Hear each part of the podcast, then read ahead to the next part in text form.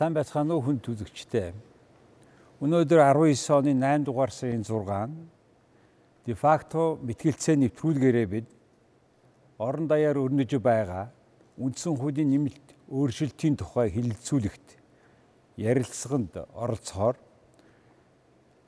нутгийн өөрөө удирдах ёсыг үндсэн хуулийн нэмэлт өөрчлөлт бэхжүүлэх үү үгүй юу гэсэн сэдвээр явуулах гэж байна бидний нийгмийн зөвшөлтсөлийн суур гэрээ болсон үндсэн хуулинд өөрчлөлт хийхдээ нутгийн өөрөө удирдах ёсыг төрийн удирдлагтай удирдлагтай хослуулна гэж заажээ. Гэвч уг зарчмыг бодит байдал дээр хэрэгжүүлэх асуудал өнгөрсөн хугацаанд маргаантай явж ирсэн. Одоо өргөн бариад буй үндсэн хуулийн нэмэлт өөрчлөлтийн төслөөч нутгийн удирдлагтай холбоотой асуудлууд мэрэгжилтнүүд төдийгүй олон нийтийн дунд өргөн хилцүүлэг явуулах үнэхээр шаардлагатай. Өнөөдрийн манай нэвтрүүлгийг мөн бид жаргал доогуур зураас дефакто Twitter энэ сошиал медиагаар бид та бүхний асуултыг хүлээж авна. Жаргал доогуур дефакто. За ингээд өнөөдрийн мэтгэлцээнд оролцож байгаа хоёр эрхмийг танилцуулъя. Үндсэн хуулийн нэмэлт өөрчлөлтөөр нутгийн өөрөө удирдах ёсыг бэхжүүлнэ гэж ноён товуус хүрэн Монгол улсын үндсэн хуульд оруулах нэмэлт өөрчлөлтийн төслийн ажлын хэсгийн дид ажлын хэсгийн гишүүн. За миний зүүн гар талд үгүй Ницааж ноён инх болд улс төр судлаач харьцуулсан эрх зүйн магистр. За Товуу сүрэнгуй Оросын холбоот улсад Москвад хүнсний үйлдвэрийн их сургууль төгссөн техникийн ухааны магистр хүн улсын баг хурлын их хурлын гишүүн байсан. Одоо улсын их хурлын гишүүний зөвлөх. Зүүн гар талд байгаа эрхэм бүх чулууны инк бол Муис төгссөн хуульч Америкт Индианагийн сургуульд хуулийн магистр, Сингапурт Ли Куан Югийн нэрэмжит төрийн бодлогын сургуульд магистр. Удирдлагын академид багш ажиллаж бай, багшаар ажиллаж байсан нийтийн иргэдийн төлөөлөгчдийн хуралд тэргүүлэгчээр тэргүүлэгчдийн нарийн бичгийн дараа ажиллаж ирсэн. За ийм хоёр хүнтэй эрхэм манай хил зүгт орохоор ирж байна. За ингээд манай манай мэтгэл сайныхаа дотоод журмын дагуу миний баруун гар талд байгаа товуу сүрэнгуй 4 минутын туршид яагаад энэ нутгийн удирдлагыг бэхжүүлж байгаа өөрчлөлт орж байгаа юм бэ гэдгийг ярина уу. За эрхэм үзэгчдийн энэ оройн төмөн амгалан айлтгая. Тэгэхээр үндсэн хуулийн үндсэн хуульд оруулах нэмэлт өөрчлөлтийн төслийг эд хэлэлсэж байгаа энэ үед дефакта мэтгэлцэн явуулж байгаа нь бол чухал холбогдолтой гэж бодож байна.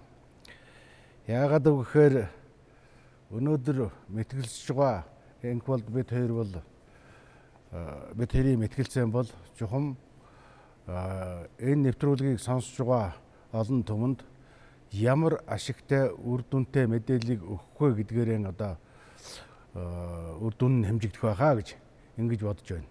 Энэ бол ерөнхийлөгчийн сонгуулийн өмнөх хэн мундаг байна вэ гэдгийг шалгаруулах мэтгэлцэн биш ээ.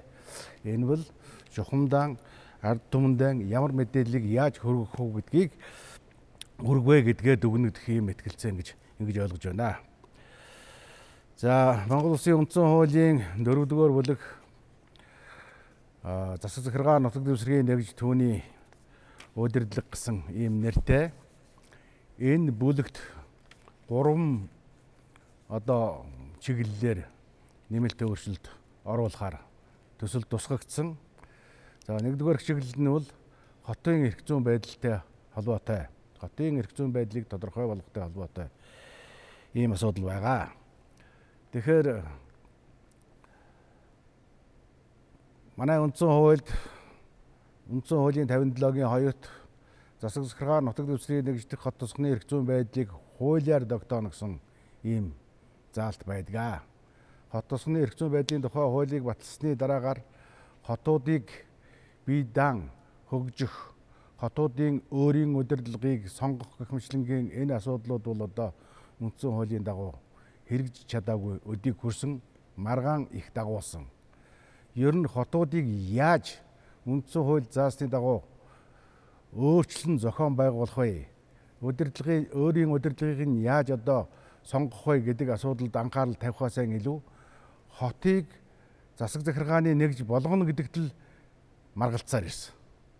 Энэ бол одоо бидний э, том алдаа гэж ингэж хэлмээр байгаа юм. Тийм болохоор одоогийн энэ үндсэн хуулийн төсөлд ямар зүйл зааж өгнө гэхлээрээс улсын болон 57-гийн 2-т улсын болон орон нутгийн зэрэгэлтэй хот тосгоны юу хот орон нутгийн зэрэгэлтэй хот тосгоны эрх зүйн байдыг хуулиар тогтооно гэсэн ийм одоо нэмэлт орж байна. Мөн одоо хот тосгонд засагсархаа нутаг дэвсгэрийн нэгжийн зарим чиг үүргийг шилжүүлэх асуудлыг улсын юу засгийн газрын өргөн мэдүүлсээр улсын их хурл тогтооно гэсэн ийм одоо нэмэлт тодтол энд бас орж ирж байгаа гэдгийг одоо би хэлье. За хот тосгоны энэ заалт орсноор ямар одоо ажил урагшаа явах вэ гэж. Өнөөдөр Дархан Эрдэнэт хотын оршин суугчид Дархан Эрдэнэт хотоос сонгогдсон үе үеийн их хурлын гишүүд Дархан Эрдэнэт хотыг бие даасан гот болгох хэрэгтэй байна гэсэн асуудлыг тавьсаар ирсэн. За улсын их хурлын гишүүн Дам Бочир нар бол одоо энэ асуудлыг шийдвүүлэхээр улсын их хурлд хуулийн төсөл өргөн барьж байсан. За тэгээд энэ асуудал шийдэгдээгүй өнөөг хүрсэн. За өнөөг хүрсэн гол одоо шалтгааныг үл би түрүү хэлсэн. А тэгэхээр ямар ч байсан үндсэн хуульд тодорхой хэмжээний нэмэлт тодтол оруулж яж энэ асуудал шийдэгдэх юм байна гэж ингэж үздсэн учраас энэ одоо заалтыг хийж байгаа юм. За мэдээж хэрэг дархан эдэн дотоос сонгогдсон гишүүд за зарим манай иргэдийн төлөөлөл бол энэ заалт бол бас дутуу байна гэж ингэж одоо үзэх хандлага бол байгаа.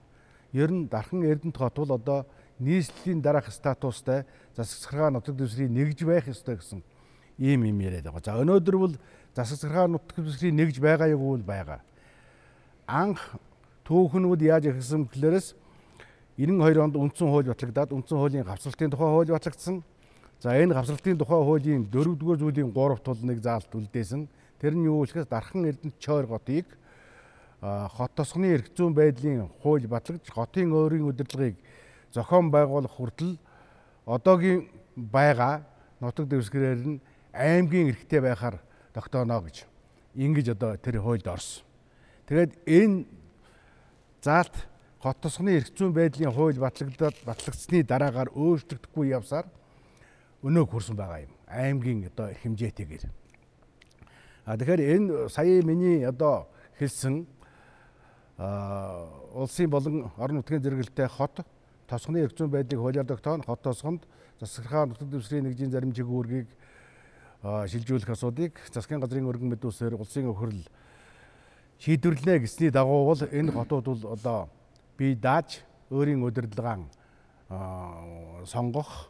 За мөн одоо хот тосгоны одоо сонгодог утгаар гэж хэлий. Хөгжих ийм боломж бол бүрдэнэ гэж төсөл санаачлагчд бол үзэж үзэж байгаа. За би хотын тухайд овчхондоо ийм зүйлийг яриад орхий. За. За та яг саяхтай бас уйлдуулаад гэхдээ яагаад энийг бэхжүүлэхгүй вэ гэдэг өөрийнхөө нотлохыг ярина уу? За баярлалаа. Энэ оройн мөндийг Монгол Улсын үндэс хөлбөмб бүрт үзэл суугаа нийт иргэдтэй хүргье. За маш чухал асуудал л да. Үндсэн хууль гэдэг бол нийт Монголын бүх ард түмэнд хамааралтай юм асуудал. Энэ аль нэгэн нам, аль нэг хүчинд хамааралтай, аль нэгэн судлаачд хамааралтай гэхээсээ илүү цаашдын Монгол улсын 30 жил, 50 жилийн ирээдүй ямар байх вэ? Бидний хүүхдийн ирээдүй ямар байх вэ гэдгийг шийдэх ийм асуудал юм аа. Тэгээ энэ үндсэн хуулийн нэмэлт өөрчлөлттэй холбоотой яригдж байгаа асуудлуудыг судлаачид болон тодорхой мэдээлэлтэй хүмүүс бол одоо мэдээж ойлгоод байгаа. А гэхдээ яг иргэд маань бас завгүй маш олон одоо амьдралын асуудал донд байгаа учраас их энгийнээр ойлгомжтой ярих шаардлагатай байна л да. Ер нь бол улаан үндсэн хууль нэмэлт өөрчлөлт оруулахгүй гэж эсэргүүцээд байгаа тал бол одоо миний хувьд судлаачийн хувьд бол биш юм байна. Өөрчлөлтөө яаж оруулах ёстой юм? Өөрчлөлт субъект нь өөрөө ёс зүйн тодорхой хэмжээний эрх байна уугүй юу гэдэг асуудал байна. Өөрчлөлт цаг нь болсон уугүй юу гэдэг асуудал байна. Өөрчлөлт цаг нь болсон гэж үзэх юм бол нэгэн тэр өөрчлөлтийг бол зөрөгтэй бөгөөд дөрвтэй хийж бас чадах ёстой гэдэг ийм асуудал байгаа. А хэрвээ чадахгүй ойр зургийн косметик шин чанартай өөрчлөлтүүд хийх юм бол үндсэн хуулиндаа гар хурж хэрэггүй гэсэн ийм одоо судлаачдын байр суурьтай бол нэг талаасаа бол би санал нэг байдаг юм аа. За шууд үндсэн сая товос сургуунгаа ярьсан асуудал руу орё. Сонирхолтой ийм сэдвэлдээ хот тосхны эргэцэн байдлын үндсийг хуулиар тогтооно гэж одоо өнөөдрийн Монгол Улсын үндсэн хууль 92 онд батлагдсан үндсэн хуулинд бол байж байгаа маа. Хот хот гэдэг бол өөрөө байгуулагдаад байгууллагдахдаа иргэдийн өөрсдийнх нь санаачлагаар бий болдог. Манай үндсэн хуулинд суусан Европын хартигийн одоо тэр тунхаглалд суусан 90 онд бий болсон энэ ардчлалын өөрийнх нь нэг маш том ололт. Иргэд өөрсдөө хотынхоо удирдлагыг сонгож байдаг. Эдийн засгийн өөрийн тодорхой хэмжээний боломжтой боломж үүсэх болгонд тэр хотын тодорхой иргэдийн төвлөрөл үүсч байдаг. Нэг төрлийн одоо гадаад үг оруулаад хэлчлээ манайхад ихэнх мэдгэх community гэж ярьдаг. Энэ хэсэг нь бол энэ хот юм байна. А засаг захиргааны нэгж гэд яриад байгаа нь бол төрийн чиг үүргийг одоо Монгол улс маань нутаг дэвсгэртэй. Нутаг дэвсгэрийн зарчмаар одоо үндсэн хуулийг хийж гисэн. За Чимдугаан яг энэ үндсэн хуулийн эхийг одоо барьсан Чимдугаан хэлсэн үгийг би товчхон хэлье л да. Өнөөдөр бол энэ хоттой холбоотой асуудлыг юу гэж одоо ажлын хэсгийнхэн энэ юу их хурлын гишүүд гэдэг юм уу хууль санаачлагч оруулах гэдэг нь үхээр хотыг бол нэгж гэж үзнэ гэж. А гítэл нэгж гэж үзэж болохгүй гэсэн ийм заалтыг бол чимдгөө тухай үед хэлжсэн байна. За би энийг товчхон хэлээд өгчий. Монгол улсын засаг захиргаа нутаг дэвсгэрийн нэгжийг бол үндсэн хуульд гагцгүй нутаг дэвсгэрийн зарчмыг баримтлан тогтоосон. 1 сая одоо 560 мянган метр квадрат тэр газар нутгийг ингэж хувааж нутаг дэвсгэрийн зарчмыг баримтлсан үүгээрээ тосгон суурин бий болох бүрийд тэнд засаг захиргааны нэгж байгуулан хавсрагдаг гажуудлыг зогсоох зорилго тавьсан юм а. Гэтэл хотыг устгасан, хот байхыг хоригдсон гэх зэргээр үндсэн хуулийн заалтыг говьлон бичих нь үзэгдэж байна. Хот суурин бол нутаг дэвсгэр биш агаад корпорацийн гол шинжтэй. Иймд нэг аймаг, нэг сумын нутаг дэвсгэрд хэдэн ч хот тосгон байхыг үгүйсгэж болохгүй юм а. Энэ нь бас аймаг, сум, баг аль нэгэн хот тосгонд төвлөрхийг бас үүсгэж болохгүй гэж. Тэгэхээр яг байгаа асуудал нь бол яагаад нэгжигж оруулах гэдэг юм бэ гэхээр зовлонгийн бол би гадарлаж байгаа юм. Жишээлбэл одоо Хөвсгөл аймгийн хатгал тосхон тийм ээ. Өнөөдөр нийтдээ их хурлын дарга хэлж байгаагаар бол 40 тосхон байна гэж байгаа. За хатгал тосхон. Гэтэл хатгал тосхоныгоо Хөвсгөл аймгийн алаг эрдэнэ сумын нэг баг болгочихсон. Тэгээ амьдрал дээр яагаад баг болгож байгаа юм бэ? Энд чинь тусдаа тосгонороо ингээд яваа тосгоны захирагч нь ирэг дээрээс иргэдээсээ сонгогдоод ингээд явж болдоггүй мүү гэд ингэхээр гүй ингээд одоо төсвийн тухай хууль хуулиар тодорхой одоо зардлуудыг шилжүүлэх гэхээр заавал нэгжээр дамжуулна буюу нэгж гэдэг ойлголт нь одоо манайхаар бол нөгөө аймаг, сум, дүүрэг, баг тийм ээ. Энэ ойлголт биш. Энэ ингэж дамжих хэрэгтэй учраас шууд тосгонлоо мөнгө шилжүүлж болохгүй байна гэж. Ингэж тайлбарладаг байхгүй. Тэгээ энийг үндсэн хуулиар нэгж гэж оруулснараа засна гэж байгаа. Үгүй. Энийг бол бусад органик хуулиудаараа төсвийн тухай хуулинд өөрчлөлт оруулснаар шийдэж болох шүү дээ. За. Яг үндсэн хуульд хүрэхгүйгээр яг ийм маягаар өөр хуулиараа шийдвэр яагаад болохгүй гэж. Би ер нь болохгүй гэж бодохгүй байгаа шүү. Болно байх гэж бодож байгаа. Гэхдээ энийг хийгээгүй өдий хөрсөн. Хийгээгүй өдий хөрсөн. Тэгэхээр энийг хийлгэхийн тулд юу хийж байна вэ гэхлээрс төсвийн тодорхой эрх мэдэл, удирдлагын тодорхой эрх мэдэл. Өөрөөр хэлбэл засаг зархаа нутаг дэвсгэрийн нэгжийн удирдлагын тодорхой эрх мэдлийг ивэл хот тосгонд шилжүүлэхгүйгээр хот тосгоны асуудлыг шийдэж болохгүй. Би инколтын саналтай нэг байна. Тэгэхээр нэгж гэж хэлэхэд хэцүү байна гэдэг шүү дээ. Нэгж нэгж болгоно гэж бид энд бол бичээгүй. 57-гийн нэгд нь хийвэл нэгж болох гэдэг юм. Аа үндсэн хуулийн 57-гийн хоёрт нь хийвэл тэр улсын болон орон нутгийн зэрэгэлтэй хот тосгоны эрх зүйн байдлыг хуулиар тогтооно гэдэг нь шүү дээ. Тэр чинь юу гэхлээс хот засаг заргаа нутаг дэвсгийн нэгждэх хот тосгон сонгодог утгаараа хот тосгоны жамаар хөгжих тэр одоо үүдийг нээж байна гэж хэлж байгаа. А тийм учраас тэрэнд одоо тэр тодорхой эрх мэдлүүдийг шилжүүлэх асуудыг одоо засгийн газрын өргөн мэдүүлсээр улсын хурл шийдвэрлэнэ гэж гэж хэлж байгаа нь юу гэхлээрээс магадгүй төсвийн тухай хуульд өөрчлөлт оруулах а засаг царгаа нутаг төсвийн нэгж нэгж түүний удирдлагын тухай хуульд нэмэлт өөрчлөлт оруулах ийм асуудлууд бол цаана байгаа. За тэгэхээр хараа ингэж ярьж штэ аймаг хот хоёрыг адилхан болгоно гэж ерөнхийлөгчийн тамгын газрынхан хэлж байгаа. За тэгчээ гэж бодоход А улаан улсын нийслэл гэж хотыг бид нар нийслэл гэж хэлнэ. Улаанбаатар гэж байхгүй гэж хэлж байгаа. Тэгсний үр дүнд өнөөдрийн Улаанбаатар хот жишээлбэл нийслэл нүүлэгч хүл бид заавал Улаанбаатар гэхгүй гэж хэлж байгаа байхгүй. Тэгээд Улаанбаатар хотын 6 дүүрэг нь тус болгоно хот болчих гээд өнөөдрийнхөө одоо өгж байгаа сандаар. Тэгэхээр бид нар Өнөөдөр Улаанбаатар хотын хан уул дүүрэгт байгаа хүн хан уул хотод амьдрах гэдэг шүү дээ. Энэ шин үйлч батлагдчих юм бол энэ ямар учиртай. Гэхдээ одоо ийм саналууд явдаг юм байна лээ. Бид нар бол энэ үндсэн хуулийг зөвшөлтсөлийн та ажлын хэсгийн групп тийм ээ. Тэгэхээр энэ дээр ямар хуу хэмжээний зөвшөлтсөл энэ дээр бол одоо бид нар яг тийм зорилго бол тавиагүй. А тэгэхдээ тийм асуудал гараад ирэхэд тэрнийг тэрэнд саад болохгүй байх учиртай. Манай энэ одоо хуулийн заалт. Өөрөөр хэлбэл засаг захиргаа нутаг дэвсгэрийн нэгжлэх хот тосгоны зүйн байдлыг хуулиар тогтооно гэдэг байна. Нийслэл гэдэг засаг захиргааны нэгжид хотууд үүсхийг бид бай гэхгүй. Бид өнөөдөр юу гэдгийг одоо 61-ийн гарам гэд том тосгон байгуулагдсан байна. Тэгтэл тэнд засаг захиргааны одоо иргэдэд үзүүлэх төрийн үйлчилгээ хол бай. Сонгон хайрхан дүүрэг рүү одоо явдаг. Тэгвэл тэрнийг нь тосгон гэж тусдан тосгоны статус өгөөд тэр тосгонд нь жухамхүү тэр эрхүүдийг тосгоны захирагчд нь шилжүүлэх энэ асуудлыг л энэ заалтаар одоо бид хийж юм гэж. За хараа яг энэ асуудал 61-ийн гар өөрөө ингээд жам ёсоор олон хүмүүст нийлээд ийм нэг ийм community буюу хэсэг бүлэг хүмүүс бий болоод тэгээ одоо нийл амьдрах хэрэгтэй болж шít амьдрч байна. За яг тийм үзэгдэл цагаан хад дээр байна. Цагаан хад дээр хичнээн мянган хүн байна тэнд. Тэгээ тэрэнд цагаан хад дээр гарч байгаа ямар олон мянган 10 мянган хүн машин цугларчхаараа тэнд чинь янз бүрийн хэрэг төв гарч илэн байна л да. Ууж идэх юм гарч байна. Аваар ослог гарч байна. Тэгээ бүгдээрээ хан богд сумын төсвөөр дамжиж нөгөө эмнэлгийн үйлчлэг авах болчиход байгаа байхгүй. Тэгээд я аль амандаач хүрэхгүй хамандаач хүрэхгүй бензинч хүрэхгүй эмчинч хүрэхгүй юм байдалд орчиж байгаа байхгүй. Тэгэхээр таны хэлж байгаа жам ёсороо бий болсон олон хүмүүсийн бөг нөрлөө байна. Эдийн засгийн сонирхлоор. За тэр нь бөнгөхийн тулд нэгжээрээ хийхгүй болохгүй. Тэрийг тийм байхаг үгүйсэхгүй гэж яриад байна. Эний шийдвэр нь юу юм тэгээ таныхаар? Үндсэн хуулийн тэр ярихгүйгээр таны шийдвэр юу юм? Тий, үндсэн хуулинд заавал хүрэхгүйгээр энийг шийдэх шийдлүүд бол биш шүү дээ. Манай 92 оны үндсэн хуулинд ялангуяа хот тосгонтой холбоотой асуудлыг бас хуураар нь концепцүүд их зөв хийчихсэн юм аа. Хот тосгоны эргэцэн байдлын тухай хууль батлагдсан. За түүнийг их сайжруулах хэрэгтэй. Хот тосгоны эргэцэн байдлын тухай хуулийг сайжруулах гад одоо холбогдох судлаачид за нийслэлийн одоо өмнөх бас удирдлагууд саналууд гаргаад ингээд их хурл руу өргөн бариад хилцүүлээд ингээд явж исэн зүйлүүд бол байж байгаа. Аа хот гэд ярихаар би шингэнээр ярил л да. Одоо манай Улаанбаатар хот. Манай хүн амын маань тал нь байж. Тэгэхээр нийслэлийн засаг дарга бөгөөд Улаанбаатар хотын захирагч гэдэг. Нэг хүндээ хоёр албан тушаал байгаа дагаас. За би энийг задлж яриад ер нь товчхон бас жоохон иргэдэд ойлгуулах маягтай ингээд ярьчих юм. Ер нь манай хот тосхон гэдэг ингээд ярингууд а нийслэл гэдэг бол 9 дүүргээ оруулж хэлж байгаа. Аслагсан 3 дүүргээ бас оруулаад хэлж байгаа. Тийм ээ. Тэгэхээр нийслэлгээд ингээд ярихаар одоо юу гэдгийг дипломат байгууллагууд оршин суудаг. За Монгол улсын одоо төрийн төв байгууллагууд э, байрладаг газрыг бол нийслэл гэж үзнэ гэж байгаа. Гэтэл бол зарим хүмүүс асуудаг байхгүй юу? За гадны бас зарим нэгэн судлаач энэ төр уулзаад ингэхээр үгүй танаа тэгвэл энэ багнуур баг хангаад ямар олон улсын байгууллага байдгийг. Танаа тэнд ямар яам байдгийг бэ гэж. Тийм ээ.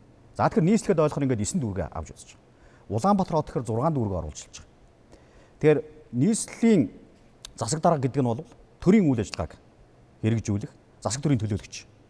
Иргэдийн хурлаасаа одоо нэрэн дэвшээд ерөнхий сайд одоо томилдог ийм одоо статус. Одоо гаварнер гэж ярьж байгаа тэр нь тийм ээ. За гэтэл дэлхийн бусад орнууд байдаг иргэдээсээ сонгогддог мэйр. Тэр бол Улаанбаатар хотын захирагч. Өнөөдөр бол одоо ерөнхий менежерийн хийгээд байгаа тэр ажил биш. Өнөөдөр бол иргэд бол яг яг өсөж байна уу? Энэ бороо шороотой үед энэ зам тийм ээ. Ус нь ингээд тасарчдаг жил болгоо. Одоо хүүтэн чалуунч усгүй болчихдог. За хогны асуудал гэх мэтлэн утааны асуудал гэх мэтлэн тийм ээ. Энийг яг одоо бодитоор эдийн засгийн утгаар менежер маш ингээнээр бол компани CEO байхгүй. Тэгээ иргэдээсээ сонгогдоод ингээд ажиллаж байдаг. Энэ концепцийг бол үндсэндээ үндсэн хуулийг хийгээд өчгсөн юм байна.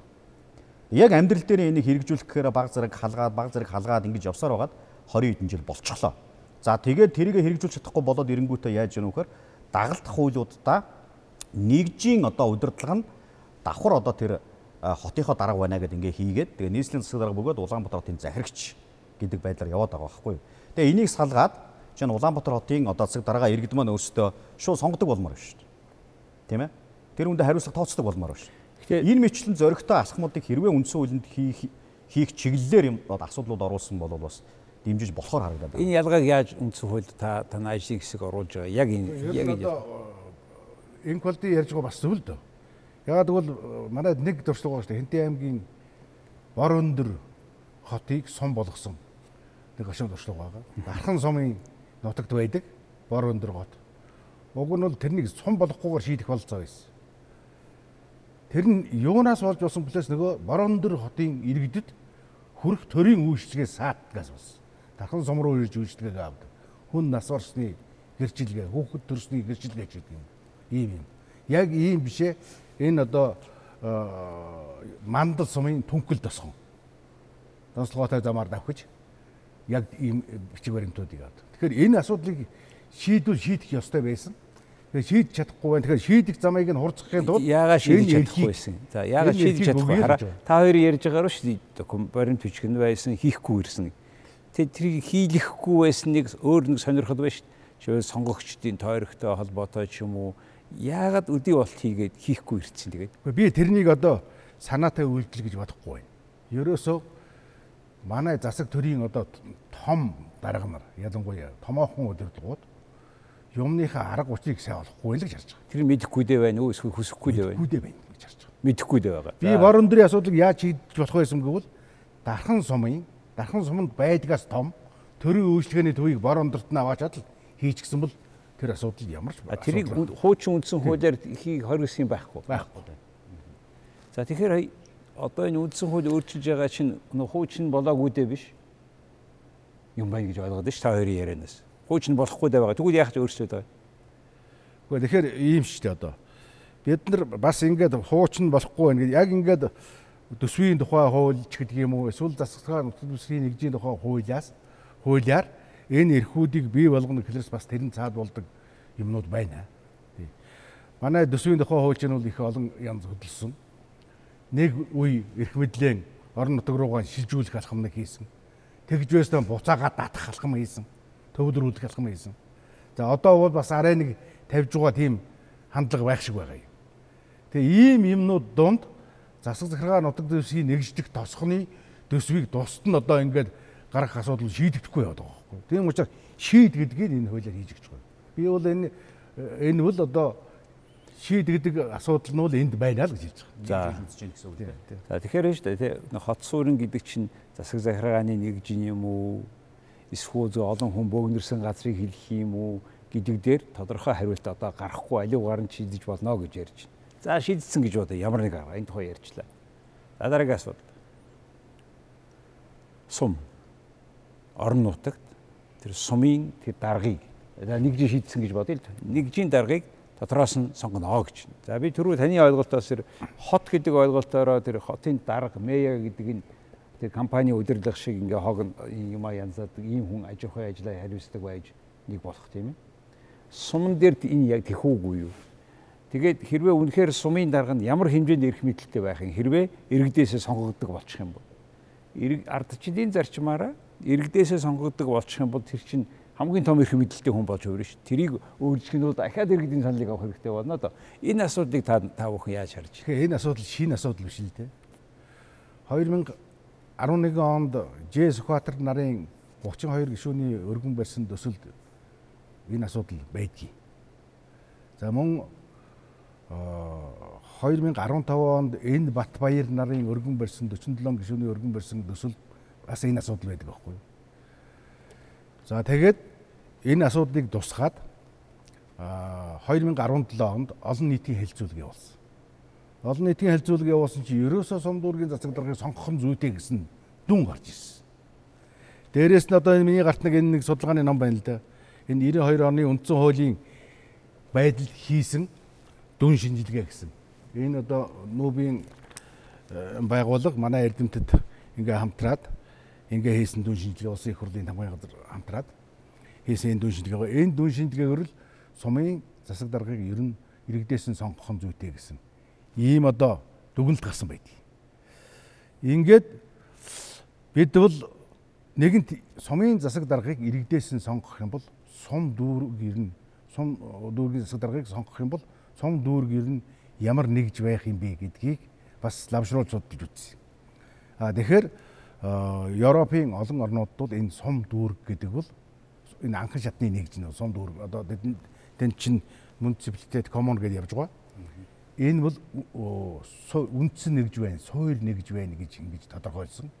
А тэгээд тэрэндээ ямар эрх хэмжээ өгч өгнө гэхлээрээс хуулиар тогтоосон хүрээнд татврын хувь хэмжээ тогтоох а засаг захиргаа нутаг дэвсгийн нэгжийн удирдлагын зарим чиглэлийг шилжүүлэх ийм одоо эрх хэмжээг олгодог натурыг тогтоох нөгөө өмч өмч захиран зарцуулах. За өмч захиран зарцуулах гэдэг дээр асуулт гараад байгаа юм л да. Би таны саналыг бас асуух гэж. Энэ өмч захиран зарцуулах эрхтэр одоо бид сая энэ байгалийн баялаг хэний өмч вэ гэсэн яриа гараад ирсэн. Энэ бол төрийн өмч биш ээ. Бүгдээрнгийнх нь өмчөө, нийтийн өмчөө гэж. За зарим нь тэрийг улсын өмчөө гэж орчуулж дээр байх гэж яриад. Public өмч гэдгийг. Английн үгийг одоо жишээ нь олон хүнийх учраар нь улсын гия нийтийн гэв хинийч биш дунд нь орхишод байна энэ гэсэн. Яг нь нэр үгийн орчуулгын нэр томьёоны маргаан бол байгаа. Юу ч гэсэн хэрвээ байгалийн баялаг нийтийн өмч нь төрийн өмч биш юм бол тийм үү? Төрийн өмч биш те нийтийн өмч болчих юм бол тэгээд нэг өмчийг засан захирах ирэхээрээ нөгөө сумын дарга одоо хамбогд сумын дарга оюу толгой онны хувь тийм ээ оюу толгойн энэ орд газрыг захиран зарцуулах хэрэгтэй болчих юм уу? Ямар учиртай? Тэгэхээр жухамдаа тэр эрх ямар хуулиар тогтоосон хүрээнд гэж хэлж байгаа юм. Хуулиар тогтоосон хүрээнд өмчийн эрх хэдлэн гэдэг маань ямар өмчийн эрхийг нь тэд нар тэдүүлэх үү? Өөрсдийнх нь бий болгосон нэг ширээ сандал ойр зуурын юм чинь байж болно. Дээрээс нь одоо юу байдгийг өөртөө бий болсон байшин барилга одоо тиймнүүд нь байж болно. За ер нь газартай холбоотой асуудлыг бол шилжүүлэхгүй гэсэн юм байр суурьтай байгаа.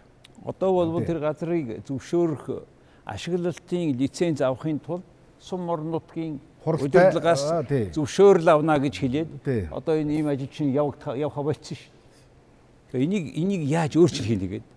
Тэгэхээр ер нь бол газартай холбоотой ялангуяа лиценз зөвшөөрөлтэй холбоотой ийм эрхийг бол аймаг нийслэл Аа тэгээд засгийн газрын төвшөнд шийдэж байх. Ялангуяа ашигт нөлтмөлийн энэ олборлолттой холбоотой лицензийг бол аймаг нийслэлийн төвшөнд шийдэж байх ийм концепцууд явж байна. Тэгэхээр одоо ерөнхийлөгчийн өргөн барьсанд өсөлдөж энэ бүр агуулгаараа орж ирсэн. Тэгэхээр аймгийн удирдлага мэдэх нь шүү дээ. Аймаг нийслэл тэгээ засгийн газар. Үгүй тийм. Гэхдээ за нийслэлийн жишээ Дорногой аймгийн удирдлага нь тэр орон нутгтаа тэр нийтийн өмчийг эзэмшүүлэх байгаа байгалийн баялагийг тийм үү? Одоо тэр компани өхөө үгүй юу гэсэн юм шийдвэр ихтэй болох нь шүү дээ. За эн чинь болохоор төр засаг нь гадаадын хөрөнгө оруулагч компанид ч юм уу Монголын хөрөнгө оруулагч компани одоо тэр тэр орд газрыг ашиглаа гэж зөвшөөр өгчдөг. Тэгэхээр аймгийн даргад үгүй. Чанд ашиглуулахгүй. Ягаад гэвэл бидний нэг шиг мэдж байгаа гэдэг. Ингэх юм бол одоо нөгөө федеральны ийм тий холбооны улсын зарчим руу орчих гээд шүү. Энийг та яаж харж байна? Миний зөв үгүй нь ярьж байгаа юм. Тий зөв. Таны ярьж байгаа зөв. Тэгээ практик тулгаж байгаа одоо дефакт асуудал л да. Энэ бол. Аа бидний одоо хоёр дахь шилжээд орсон сэдв бол 330 сумын удирдлагыг буюу засаг даргын иргэдээс сонгох уу? Давхраас 9 дүүргийнхаа засаг даргаыг сонгох уу гэдэг асуудлыг за нэг энийг ярьж байгаа шүү дээ.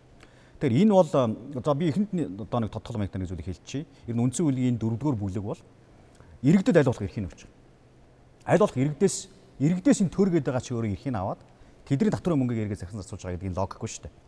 Энийний дагуу бол иргэдийн хурланд бүрдэж байгаа. Нэг бас нэг одоо эрхээ эдэлж байгаа энэ ардчлалын элемент шүү дээ тийм ээ. За мэдээж бусад орнуудад бол засаг дарга нь орон нутгийн удирдлага буй засаг дарга нь иргэдийн сонгогдсон хөлрүүд байна. Гэхдээ тэр нь голдоо холбооны улс юм байна. Одоо Монгол улс чинь бол төрийн байгууламжууд нэгдмэл улс. Монгол улсын засгийн газар Монгол орон даяар засгийн газрын мөрийн хөтөлбөрийг нэг мөр одоо хэрэгжүүлэх, хангуулах, биелдэнд хяналт тавих ийм үүрэгтэй. За иргэдийн хурлаасаа одоо нэрэн дэвшээд холбогдох дээчдийнхээ байгууллагаар удирдлагаар томилогдчихсан засаг дарга бол засаг төрийн төлөөлөгч. Энэ логикийг л анх одоо үндсэн хуулинд үндсэн хууль баталсан хүмүүс бол хийж гисэн байна. Ер нь бол яг их газрын систем буюу Франц гэх мэтлэн зарим улсууд бол шууд одоо дээд засаг дарга засгийн газар нь орон нутгийнхаа одоо удирдлагыг томилоход илүү их мэдлэлтэй байдаг нэг хууль байна. Англи Саксоны хуулиур буюу одоо шууд иргэдээсээ сонгогдсон удирдлага нь орон нутгийн коммуны удирдлага нь бүр дээчднийхээ одоо засаг даргаас ч илүү одоо удирдлагаас илүү их мэдлэлтэй байгаа. Ийм хоёр хэлбэр дундаас Иберийн гэж одоо нэрлэдэг буюу Латин Америкийн орнуудын голдуу хэрэгэлдэг энэ тогтолцооны онцлогийг Монгол маань авсан. Тэгэхдээ голдуу төрийн байгууламжууд нэгдмэл тэгэхээр төв рүүгээ тэмүүлсэн шинжтэйгээр ингэ зохицуулж байгаа. Дээрээс нь засгийн газар одоо засаг дүрийн төлөөлөгчдөөрөө дамжуулаад шат шатандаа нөгөө засаг дарга нараараа төрийн бодлогыг явуулж авах ийм логиктой байхгүй юу. Тэгээ тийм учраас засаг дарга нарыг иргэдээсээ одоо сонгоно гэдэг нь сонсоход гоё боловч Монгол улсын хувьд яг сая таны хэлж байгаа ашигт малтмал тэгээ ялангуяа одоо эн чинь маш том асуудал үүсгэн шүү дээ. Тэгэхээр судлаачдын эний зүгээр дефактогоос гадна өнөөдөр манай улсын хөгжил саад болж байгаа ийм үйл явдлууд болоод байна л да. Монгол улс хүссэн хүсээгүй уул уурхаагаас хамаарад яваад шүү. Одоо уул уурхаа муухай ярихгүй бүгдээрээ ноос ноолороо ярьяг аль алийг ярихад ёстой л. Гэтэ нөгөөдхийн үгүйсгэж ярьснараа хинд одоо ашигтай байгаа. Хин хаанаас ямар мөнгө Монгол улсад орж ирж байгаа. Газрын доорх баялгаас орж ирж байгаа шүү дээ. Тийм дургу байгаа хүмүүс. Гэхдээ өөрөөр бид юуч бүтээж чадахгүй байх гэдгээ хүлээн зөвшөөрөх хэрэгтэй шүү дээ. Тэгэхэд энэ үйл ажиллагаагийн чинь яг одоо та бидний өнөөдөр ярьж байгаа энэ саяын асуудлуудаас чинь болоод зогсоох ялангуяа сонгуулийн өмнө улс төрчид аймгийн сумын төвшөнд зогсоох аймгаа төлөөж ирсэн одоо том олон тойрог төлөөж ирсэн хурлын гишүүн сумаа удирдах гэх мэтээр энэ улс орныг тэгтээ тэггүй дефакто удирдлаггүй болгох гээд шүү. Тэгэхээр энэ асуудалд аливаахаа хурдан хариу өгөхийн тулд тэгээд энэ үндсэн хуулийн өөрчлөлт чинь юу хийх юм бэ? Тэгээ яг юм хийхдээ зэрэг ийм зарчмын хоёр асуудал гарчаад байна. Тэгэхээр жаргал сайхан ийм л дээ. Би түрүү хэлсэн. Энэ асуудал бол шин биш гэж. Тэгэхээр бас судлагдсан одоо энэний дүгнэлтэн дээр ихэд л сумын засаг даргаыг сонгох нь зүйтэй гэсэн ийм дүгнэлт гарсан. Харин сонгочхоор чинь тэгэхээр сонгочхоор ийм ийм асуудал болох нэ гэдэг асуудал бас яригдаагүй ш яригдсан. За. За ингээд э, сая бол нэгдүгээр хэлцүүлгийн дараагаар улсын их хурлын гишүүд орон нутагт яваад ирлээ. Ирсэн хойноо бол энэ арай болохгүй юм байна гэж яж байна л да. Үнэхээр орон нутагт бол энэ асуудлыг шилжүүлэх бол арай болоогүй юм байна. Бид бол анх одоо улсын их хурлын гишүүд энэ төслийг өргөн барихтал тодорхой бодлогыг дэвшүүлсэн. Юу гэвэл засгаар нутаг дэвсгэрийн нэгжийн үндсэн нэгжийн сум дүүрэг байна. Сум дүүргийн иргэдийн хорол сум дүүргийн засаг даргаыг сонгоно. Сум дүүргийн засаг дарга сонгогдсон засаг дарга төр засгийн бодлогыг хэрэгжүүлэхгүй бол огцруулна. Огцруулсан тохиолдолд тэр сум дүүргийн засаг дарга аймаг нийслэлийн засаг дарга нь томилно гэж ингэж хэлсэн. Ингэснээрээ яасан гэхлээрс сонгогчд хариуцлагатай хүнийг сонгоорой. Хариуцлагагүй хүн сонгох юм бол та нарын эрх бүрэн эрхийн хугацаанаас өмнө дээд чатны засаг дарагт булаагдсан шүү гэдэг ийм тохиолдлыг бол өгсөн. Ийм тав тодорхой бодлого бол орсон. Гэтэл тийм байхад тэгэхээр одоо бол сонгоё гэдэг шүү дээ. Тий. Одоо бол их хурлын гишүүд нэгдүгээр хэлжүүлгийн дараагаар орон нутагт явж ирээд л энэ арай өөр байх юм байна гэсэн асуудал ярьж байгаа. Тэгэхээр бид бол яагаад тийм байгаа вэ? Ажлын гисгийн ажлын гисгийн гишүүд ажлын гисгийн гишүүд бол юу гэж үзэж байна вэ гэхлээрс хугацаа нь болоогүй байж магадгүй. За сая энэхвэл ярьлаа холбооны улс. Нэгдмэл улсууд ч тийм юм байгаа. Бидний одоо судалсан улсууд төр нэгдмэл улсууд ч тийм байна. Тухайлбал Польшд байна. Польшд бол одоо Гимина гэдэг одоо коммун л да. Гимина бол одоо нутгийн удирдлагын суур нэг гэж яатсан. Тэрэндээ бол хуулиар тогтоосон хүрээнд татвар тогтоох өмч захиран зарцуулах эрхийг өгсөн байна. Үндсэн хуулиараа. Аа тэгээд тэнд одоо явж судалж ирсэн хүмүүсүүд ч бас тийм зүйл ярьж ирсэн. Гэхмэчлэнгээр ийм юм бол байдаг. Тэгэхдээ байгаа болгоныг Монгол бас буудаж болохгүй шүү дээ. Ер нь альва улс оронд энэ засаг захиргаа нутаг дэвсгэрийн нэгж гисэн энэ зүйлийг шийдэхдээ уламжлалтаа их суурилдаг юм байна. Аль нэгэн газрынхыг бид нар шууд буулгаж болохгүй юм байна гэдэг дүгнэлтэнд бол хүрсэн. За тэгэхээр та ярьж байна. Их хурлын гишүүд орон нутгаар яваад энэ болохгүй болоогүй юм байна гэж хэлж байна. Яагаад ингэж хэлж байгаа юм бол? Тэгээ ойлгомжтой. Бидний энэ ярьж байгаа асуудлууд амьдрал дээр болохгүй байна гэдгийг маш олон одоо яг үнцүүлийн хэлцүүлэг явагдсанаас хойш олон талын мэдээлэлүүд аваад тэгээд практик дээр бас харьцуулж үзэж байна л да. Яг нь ер нь засаг дарга нараа иргэдээс сонгодог болчих гэхээсээ илүү одоо үндсүүлэнд байгаа хот тосхны одоо захирагч нарыг иргэдээс нь сонгох а одоо Монгол Улсын их хурлын тогтоол байж байгаа шүү дээ. 94 онд би одоо андуураг бол 95 онд батлагдсан хот тосхны захирагчийг сонгох гэж бүр их хурлын тогтоол байж байгаа. За түүний дагуу 2015 онд нийслэлийн иргэдийн хурлаас бас тогтоол гаргаад та бүхэн санаж байгаа бах Багнуур Налаа хотын захирагчийг иргэдээс нь сонгосон шүү дээ. Тэгээ сая таны хэлж байгаа гиминэ гэдэг бол коммун л да. Тий. Тэр бол нэгдмэл ус. А гэхдээ бол тэр чинь яг л нөгөө хот тосгоныхоо захирагчийг сонгож байгаа тэр элемент юм байна тий. Тэгэхээр энэ байдлыг нь улам хөгжүүлэх гэдэг юм уу төгөлдржүүлэх энэ чиглэл рүүгээ л явах хэрэгтэй болохоос биш. Тэгээд одоо налаах болон Багнуур хотын захирагчийг сонгосон боловч тэр нь бол иргэдийн хуралтайгаа засаг даргатайгаа ингээд хамтран ажиллах тодорхой төсвийн эрх мэдлийг өгөх энэ байдлуудаараа одоо ингээд мэдээлэл авахд бол гацаа үсчихсэн байна гэдэг ингэж байгаа. Гэтэл 330 сумынхаа засаг даргаыг сонгоцоход 9 дүүргийн засаг даргаыг сонгоцоход дараа нь ямар асуудал үүсхийг бол хийж мэдэхгүй байна л да. За байгалийн баялагын асуудал бол Монголын нэг боломж бас аюулаа. Баялагын хараал энэ төр гэдэг бас ярьж байна. Энэ бол зайлшгүй ярих хэрэгтэй асуудлаа. Нийтдээ 100 гаруй сумд томоохон хэмжээний орд одоогоор илэрсэн байна гэсэн юм зүйлийг бас мэрэгчлэнүүд ярьж байгаа. Тэгээ энэ бол зөвхөн одоогийн байдлаар. Тэгээ цаашдаа чинь ингээд нэмэгдэнэ. Тэгэхээр сонсоход гоё боловч нөгөө засаг даргач чинь сонгогдохдоо ах トゥ хамаатан садан олонтоо байгаа одоо хүмүүсээ сонгогддог нь одоо хувьд байж байгаа. За дээрэс нь томоохон одоо уул уурхаан орд эзэмшдэг нэг компани боссын тодорхой санхүүжилтаар тэр засаг дарга бол байнга сонгогдож байгаа. Ийм байдлыг одоо нэгдмэл байгууламжууд нэгдмэл байхын бодлогын эсрэг явах ийм одоо томоохон аюулыг бол энэ засаг даргаыг сонгоно гэдгийн цаана бол байгаа юм аа. За ер нь бол бид нар энэ үндсэн хуулийн дөрөвдүгээр бүлгийг ингээд ярих юм бол аль болох тэр иргэдэд нь эрхийг нь өөрийнх нь татврын мөнгөө эргээд үр ашигтайгаар өөрөө ингээд боддоор хардаг мэдэрдэг яг гэрээсээ гарахтал манаа сөөх манаа гудамж гэж мэдэрдэг тэрийг мэдрүүлэх боломж нь бол өөрийнхөө хотын зархичийг сонгох тэр эрхийг нь иргэд нь өгөх тухай асуудал юм байна. Тэр нь бол одоо үндсэн хуулиндаа байгаа асуудал юм байна. За одоо жишээлбэл нийслэлийн 9 дүүргийн засаг даргаыг иргэдээ сонгоно гэж байгаа. Нийслэл рүү татаад ярил л да. Гэтэл нийслэл чинь бол нэгдсэн бодлого авч хэрэгжүүлнэ. Инженерийн байгууламж, дид бүтц, энэ зам. За ингээд одоо шинэ бодол ашиглалтанд орж байна. А төмөр замын бас одоо юу зангилаа байж байна. Авц замын зангилаа байж. Энэ гурван замын зангилаанд бид нар одоо юу гэдэг бичил хот байгуулах. Татврын хөнгөлөлтөөр тодорхой тийм ээ. Тэнд одоо эко хот байгуулах гэдэг юм уу? ийм бодлогыг нийслэлийн удирдлага авч хэрэгжүүлэх гэхээр а энэ одоо үндсүүлийн нэмэлт өөрчлөлт дотор байгаа нэг аюултай заалт нь бол 9 дүүрэг сонгогдсон төлөөлөгч дотроосоо нийслэлийн төлөөллийг бүрдүүлж чинь гэж байгаа. Одоо бол нийслэлийн иргэдийн төлөөлөгчдийн хурал гэж байгаа. Иргэдийн гэдгийг хасаад тэгээ шууд одоо 9 дүүргийнхаа сонгогдсон төлөөлөгчдөөс тодорхой тооны хүмүүсийг шууд иргэдийн гэдгийг хасаад төлөөллийн нийслэлийн төлөөллийн байгууллага сонсоход намын төв өрөө гэж амсагт овчлоход тийм ээ. Ингээд явуулчих нь гинэ.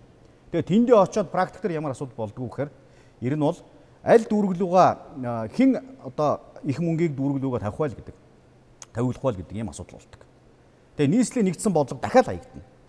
Нөгөө нийслэлийн нэгдсэн цэцэрлэг төрөөлөн, байгууллага, цог, удаа гэдэг тийм. Бидний ярьж байгаа зүйл дотор нэг том нэг том бид нар ингээд багцсаад хэлэхгүй байгаа нэг юм байна.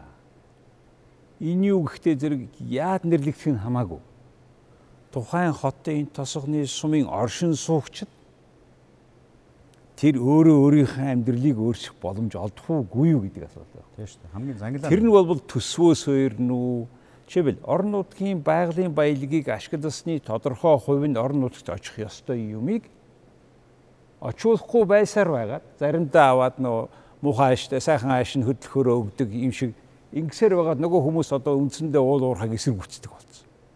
Тэгээ одоо саяхан бидний ярьсан бүх зүйл бол шийднэ даргаа бид нар өөрсдөө сонгоё гэд.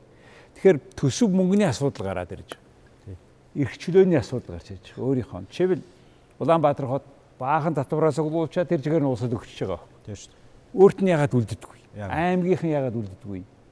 Тэгэхээр аймгийн хөгжлийг сангийн яамнаас биш аймаг дээр байгаа хүмүүс нь өөрсдөө юу барих илүү мэдж байгаа шүү. Тэгээд тэр эрх мэдлийг өгөх талаас нь та бүхэн нэг яриад байгаа чи энийг энэ үндсэн хуулийн өөрчлөлт гой гой юм гээд хүмүүс ингээ хууль мөл өөрчнө гээд тэр юу өөрчлөх нь хамаагүй нөө миний амьдрал тэр ямар нөлөөтэй юм бэ гэдгийг л тэр малчин хүн чинь харж шít. Хотын иргэн харж шít. Энэ талаас нь та яаж харж? Тэгэхээр энэ э, Монголын онцлог гэж бий шүү. Ягаад гэвэл энэ сая 500 хавтгай дээр 3 сая хүн амьдарч байна. Зарим газар нь хүн ам шигүү байна, зарим газар нь хүн ам таруу байна. Хэрчгүй хэл одоо би Солонгост нэг уулан дээр амьдардаг ганц гэр бүл улсаас хамгийн өндөр одоо хамгаалалттай байдаг. Тэр нь бол Японтой маргаантай арлыг эзэмшиж байдаг ганц гэр бүл байдаг гэж сонссон. Тэгэхээр Монголд бол ухаандаа хил захийнхаа сумдыг одоо татан болгоно гэхээс илүү тэднийг тижих ёстой. Тийм учраас төсөв бүл ямар нэгэн хэмжээгээр төлбөр төвлөрсөн байдлаар татагдад захиран зарцуулагдах асуудал байна. Нөгөө талд нь юу гэхлээрээс ерөөсө баялагтай сайхан амьдрал баялаггүй муухай амьдрал гэж бас хэлж болохгүй шүү дээ. Тийм учраас энэ төсвийг татан төвлөрүүлэх юм байна. Зүгээр хэр зэрэг зохистой зохисгүй гэдэг бол би өнөөдөр хэлж мэдэхгүй. зохисгүй юм зөндөө байгаа бах. А тэр зохисгүй юмыг арилгах ёстой. Энэ бас явандаа засагдах ёстой байх гэж ингэж бодож байна. За үндсэн хуулиар бол үндсэн хууль бол бүх юмны шаваас бас биш ээ. Зарчмын тодорхойлдог одоо тийм болчиход байгаа юм одоогийн байдлаар. Одоогийн байдлаар бүх юмны шаваас болчиход байгаа надад. Тийм учраас одоо би бол одоо ингээд тийм төсвөн тэндэн тэгж үлдэнэ гэдэг байдлаар энэ үндсэн хууль томьёолох бол болцоо муутай. Зарчмыг нь өгнө харин төсвийн тухай хууль за тэр одоо төсвийн удирдлага санхүүжилтийн тухай хууль гэж байдаг тийм ээ.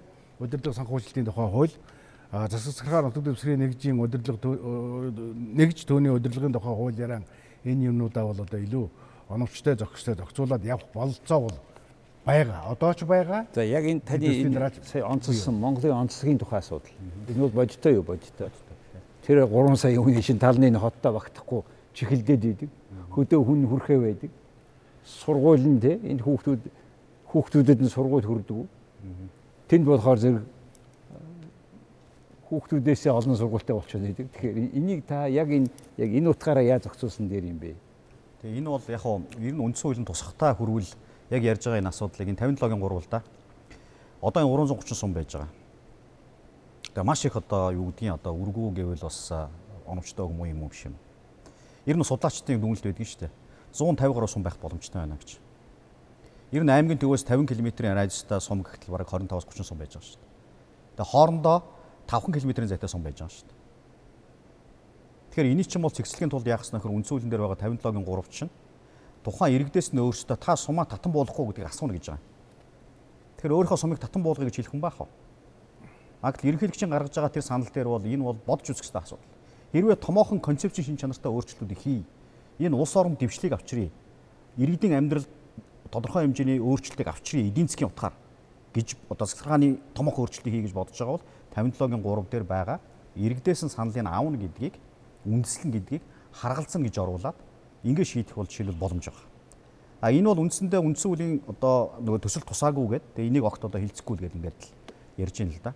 Тий. Энийг хилцэхгүйгээр олон асуудал үлдээд байна шүү дээ тийм үү? Олон асуудал үлдээд. Дараагийн асуудал нь тэр баруун бүс бүсчлэн хөгжүүлэх гэдэг нэг ойлголт гарч ирж байна.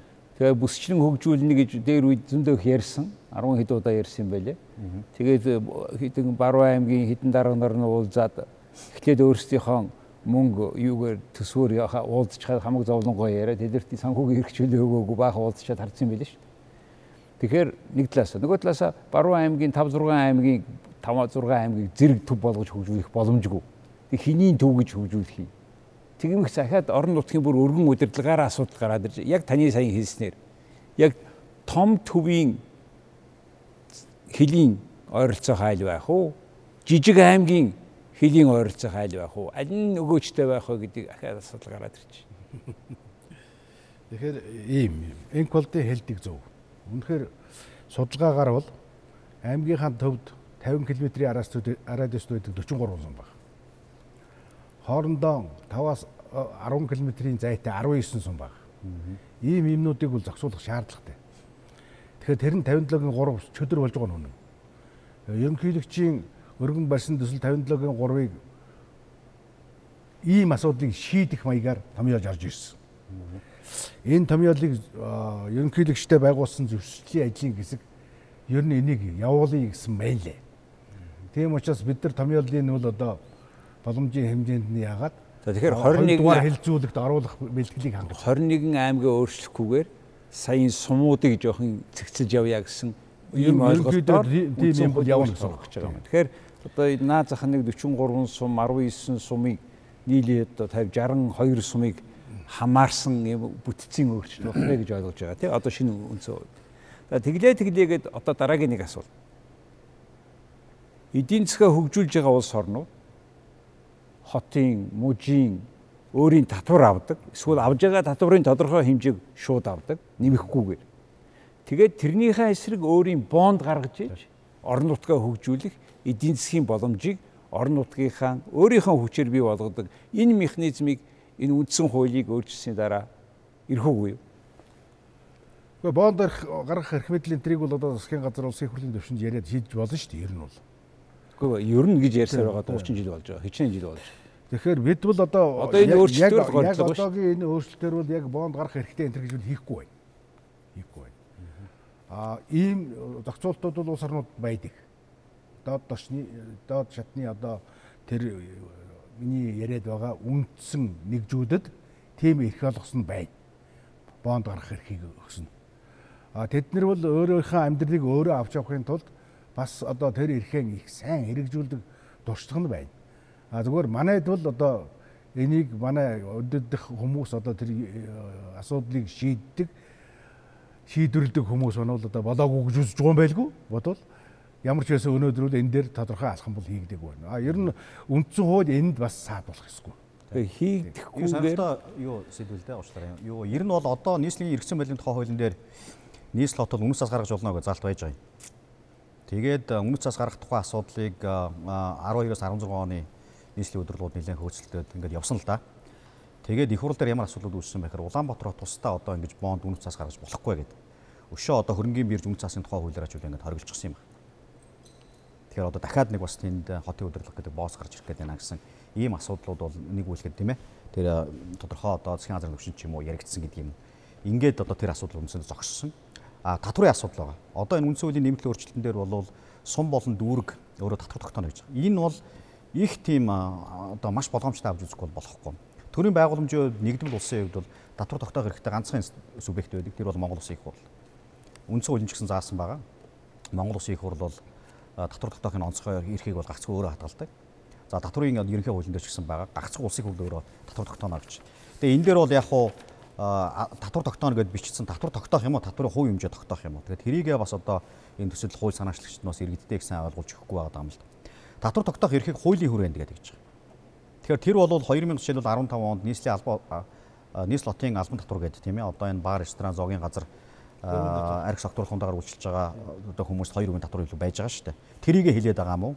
Үгүй бол ингээд хуулийн төслийн уншингууд дүүрэг болон сум өөрөө татвар тогтоочих нь гэж байгаа. Энэ чих аюултай байхгүй? А хэрвээ татвар тогтоох эрхийг өгөхдөө хүрэж байгаа юм бол Улаанбаатар хоттой өгөх хэрэгтэй. Яг сая таны хэлсэн. Ер нь бодиттой асуудал өнөөдөр хаана байна вэ? Хот хот гэдээ ярихад аль нь одоо яг хот болох боломжтой юм бэ? Хот болох нөхцөлөө хангаж чадбайгаа юм бэ гэдээ ингээд аваад үзвэл энэ сая 500 600 мянган хүн амьдарч байгаа энэ Улаанбаатар хотынхоо тий энэ хогийг энэ өмхийн үнэрийг тийм ээ энэ утааг шийдэх асуудал байгаа байхгүй юу? Энэ дээр томоохон хэмжээний зөрөгтэй туршилтуудаа хийвэл хийх ёстой. Хотын мэрээ сонгоод үз. Улаанбаатар хотынхаа иргэдээс. Ямар байх нь вэ? Яаж ажиллах нь? За тэр үнэт цаас бонд 2030 он тэргээд ингэхэд бол дэлхийг бол томоохон хотуудын дарга нар үндсэндээ удирдана л гэж байгаа шүү дээ. Томоохон мэрүүдийн хурал бол дэлхийд даяар болж байгаа шүү дээ. Тэгээ энэ чиглэл рүү бол явж байгаа тийм ээ. Аа тэр татвар тогтоох асуудал дээр бол маш болгоомжтой хандахгүй бол их болохгүй асуудал бол энд харагдаад байгаа шүү. Тэгэхээр Энквалдийн зөв аймаг нийслэл сум дүүргийн иргэдийн төлөөлөгчдийн хорл хуулиар тогтоосон хязгаарын хүрээнд өмчийн удирдлагыг хэрэгжүүлэх татврын хувь хэмжээ тогтоох эрхтэй гэсэн найруулгаар одоо хоёрдугаар хэлэлцүүлэг рүү орж байгаа. За энэ үл юу гэхээр тий хувь хэмжээ. А энэ үл юу гэхлээрээс одоо одоо сумн дээр бол нэг хог хаягдлын хураамж. За шөө нэг юм байгаа. Нэг хоёр юм тогтоогоо явдаг юм байна лээ хураамжуудаа. Тэрэн дээр нь сумд ер нь малын хөлийн татрыг бол өхөн зүйтэй гэж ингэж үзэж байгаа. Ягаад гэвэл бод мал олонтой газар нэг өөр, олон малтай газар нэг өөр, цөө малтай газар нэг өөр Тэгээд бог мал ямаа олонтой газар яах вэ гэх мэтлэнгийн одоо энэ зохицуултууд нь бол орон нутгатаа байх нь дээр гэж харж байгаа. Тэгээд юмнуудаа харж гоод тодорхой татврын хувь хэмжээ тогтоох хэрэгүүдийг өгнө. Татвар тогтоох хэрэг улсын их хурлын онцгой бүрэн эрхэд багтаад багтдаг. Өөрөөр хэлбэл шин төрлийн татвар бий болгохыг бол улсын их хурл бий болгохоос хаа нэгэн сум бол бий болохгүй гэдэг нь их ойлгомжтой асуудал гэж би хэлмээр байна. За. За тэгэхээр одоо бидэрт нэг 10 минут байна. Би нэг базаад нэг ямар хэмжээд байгаагаа яриад. Тэгээд та хоёр тэрийг аль нэг нэмэх юм байвал нэмээд яа. За юу. Одоо өнөөдрийн одоо хэлсэн ярилцлагаас гурван асуудал гарч ирж байгаа. Нэгдүгээр та бүхэн сая сонслоо. Энэ нэгж хот суурин яаж нэрсэн хамаагүй нэг юм нэг бүлэг хүмүүс байгаа юмыг нэгж засаг захиргааны нэгж юм уу? Эсвэл тэр оршин суугчдын нийлсэн бүтц юм уу? Алийг эхэлж тооцох юм бэ гэж засаг захиргаа гэвэл төртэй холбоотой удирдлагатай төсөвтэй холбоотой болоо явчих. А оршин суугчид гэвэл шал өөр сонирхол бий болоод эхэлж байна.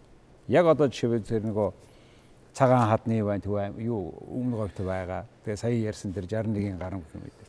За энэ асуудал чинь одоо байгаа үндсэн хуулиндаа ч тэр оруулах гэж байгаа өөрчлөлтөө ч гэсэн нэг мөр тусаагүй байна гэдгийг гараад ирлээ. За хоёрдугаар бас аль алинд нь тодорхой биш байгаа асуудал болбол үгүй тэгээ тэр нэгжийнхэн яад нэрлэх нь хамаагүй. Тэрий ч одоо хүн болгон удирдах байхгүй нэг нь удирдах шүү дээ. Захирагч гэдэг нэг хүн байна. Тэрийгээ тэгээд томилох юм уу? Эсвэл сонгох юм уу? Сонгочих бол нөгөө нийтийн өмж баялаг гэсэн энэ асуултан дээр ямар их мэдлэлтэй байх юм бэ? Энийг яаж зааж өгөх юм бэ гэсэн.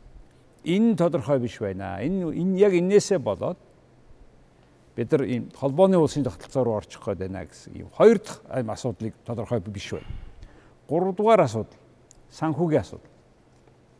Татвараар гинүү төрөөс дээрээс нь хуваарлна гин үү эсвэл тэр баялаг ашигласных нь мөнгийг авна уу энэ мөнгүүдийг тодорхой болгохгүй болбол аль нэг заскаас аль нэг сайдаас хамаардаг учраас орон нутагт хамгийн их баялагийг авж байгаа орон нутагт ер тэр одоо юу ч харуулахгүй байна хялаалахгүй байна гэдэг энэ асуудал гарч ирж байгаа. Тэгэхээр татварыг нэмэх юм уу?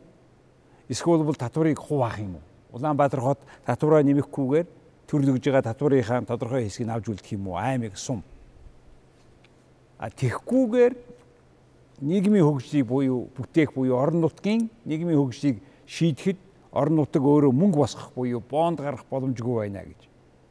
За ийм гурван асуудлыг тойроод одоо ч гэсэн тодорхой биш байна. Инженер өгж байгаа төсөлд ч гэсэн яг ингээд за яг юм байна гэсэн ийм нэгдсэн ойлголтод бид хүрээгүй байна гэсэн ийм дүгнэлтийг өнөөдрийн энэ орон нутгийн засаг захиргааны хилцүүлгээс би одоо ингээд хийчээ сууж. За энэ дээр өөрсдийнхөө саналыг тус болгоно хэлнэ үү? 3 минут. Тэгэхээр нэгдүгээр хилцүүлгийн хилцүүлэгт өргөн барьсан төслөөр бол энэ энэ бүлэг бас ямар нэгэн хэмжээгээр өөрчлөгдөж байгаа.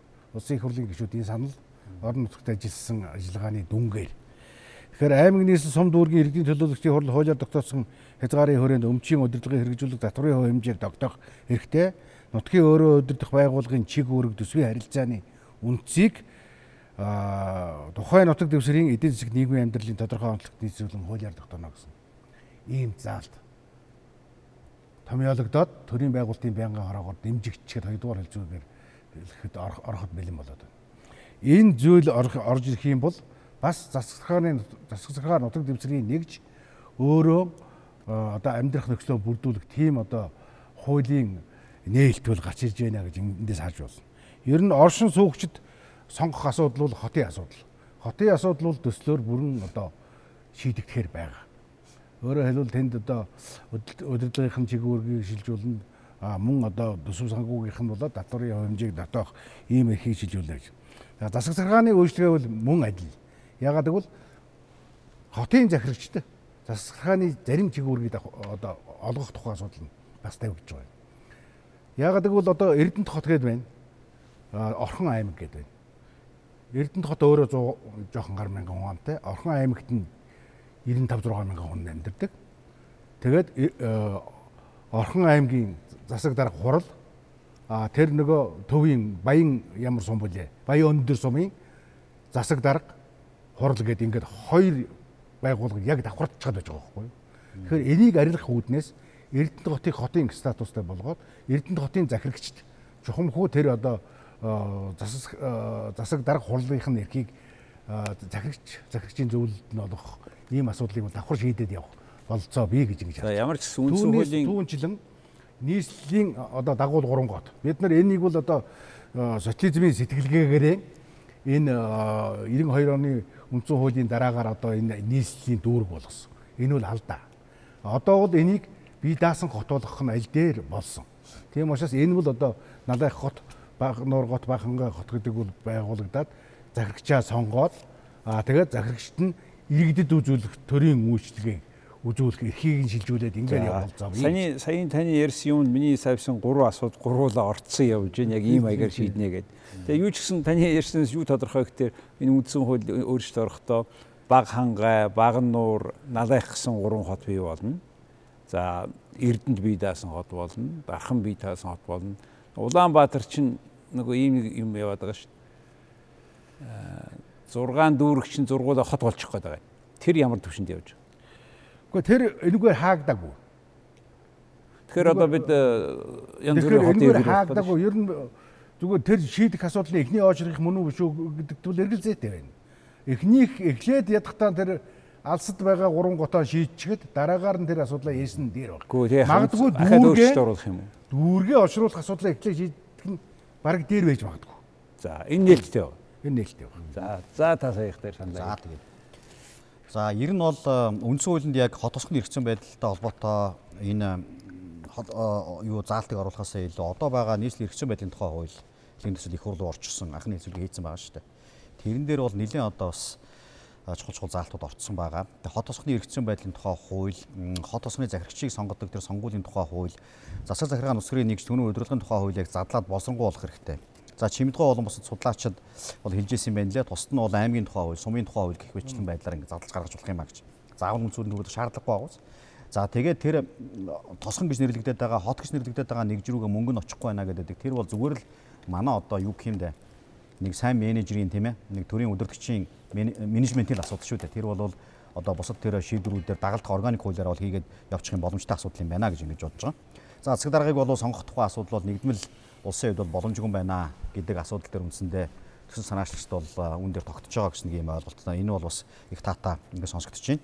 За орон нутгад бол эрх олгох асуудал дээр бол би санал бол нэг байдаг. Тэр талд нь байдаг. За миний ярианаас бол магадгүй орон нутгад татвар тогтоох эрхтэй болох байна энэ төргээд инхээр орон нутгад бас эрх өгөхгүй гэж энэ хүн бодоод байгаа юм байна.